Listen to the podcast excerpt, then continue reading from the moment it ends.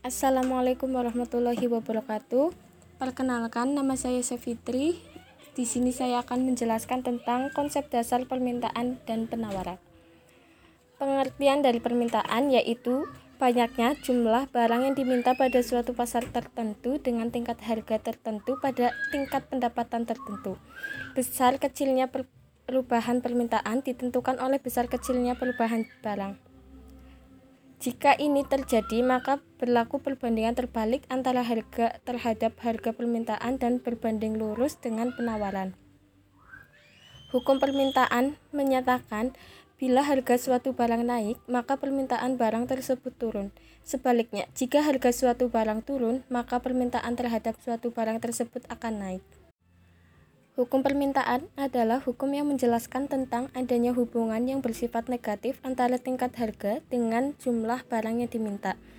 Apabila harga naik, jumlah barang yang diminta sedikit dan apabila harga rendah, jumlah barang yang diminta meningkat.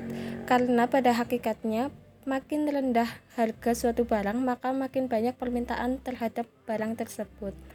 Sebaliknya, makin tinggi harga suatu barang, maka semakin sedikit permintaan terhadap barang tersebut. Selanjutnya yaitu pengertian dari penawaran. Penawaran yaitu banyaknya barang yang ditawarkan oleh penjual pada suatu pasar tertentu, pada periode tertentu, dan pada tingkat harga tertentu. Hukum penawaran menerangkan apabila harga sesuatu barang meningkat, kuantitas barang ditawar akan meningkat, dan apabila harga sesuatu barang menurun, kuantitas barang yang ditawar akan menurun. Hukum ini menunjukkan wujud hubungan positif antara tingkat harga dan kuantitas barang yang ditawar. Hal ini disebabkan karena harga yang tinggi memberuntungkan yang lebih kepada ke produsen. Jadi produsen akan menawarkan lebih banyak barang. Harga yang tinggi menyebabkan produsen berpendapat barang tersebut sangat diminta oleh konsumen, tetapi penawarannya kurang di pasaran produsen akan menambahkan penawaran untuk memenuhi permintaan. Faktor-faktor yang mempengaruhi penawaran pertama yaitu harga barang, kedua jumlah penjual atau produsen, ketiga bencana alam, empat harga barang pengganti, lima biaya produksi, enam kemajuan teknologi, tujuh pajak, delapan perkiraan harga di masa depan, sembilan kebijakan pemerintah dan situasi politik. Selanjutnya yaitu perbedaan konsep ekonomi Islam dengan konvensional terhadap teori penawaran. Pertama, teori penawaran dalam perspektif Islam. Secara umum, tidak banyak perbedaan antara teori permintaan konvensional dengan Islami. Hal itu dikaitkan dengan variabel atau faktor yang turun berpengaruh terhadap posisi penawaran. Bahkan, bentuk kurva secara umum pada hakikatnya sama.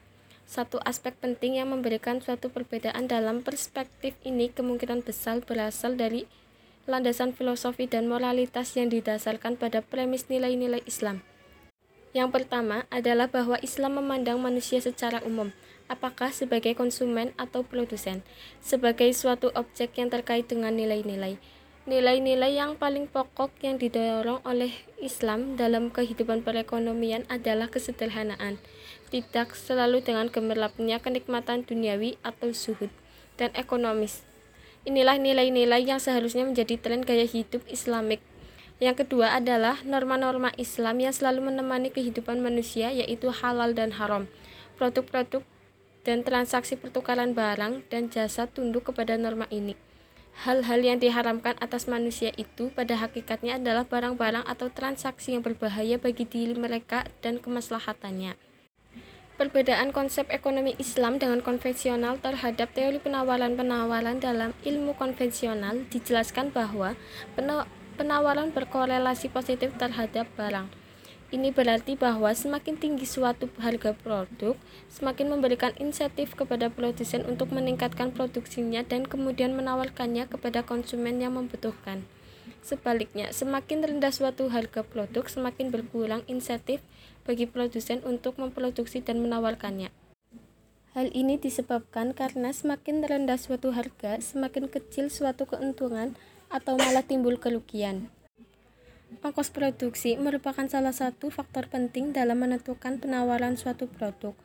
Ongkos produksi pada gilirannya ditentukan oleh harga dari faktor input. Perubahan dalam harga-harga faktor input umumnya dikarenakan adanya perubahan dalam laju pajak dan subsidi. Kemajuan teknologi berperan sangat penting dalam mengurangi ongkos produksi karena perubahan dalam teknologi yang lebih maju memungkinkan dipakainya cara-cara produksi yang jauh lebih efisien dan tentu saja lebih murah daripada sebelumnya. Dengan demikian, dapat disimpulkan bahwa aspek penawaran dalam ekonomi konvensional ditentukan oleh beberapa variabel antara lain harga, ongkos produksi, teknologi, dan faktor input, Catrice Paribus.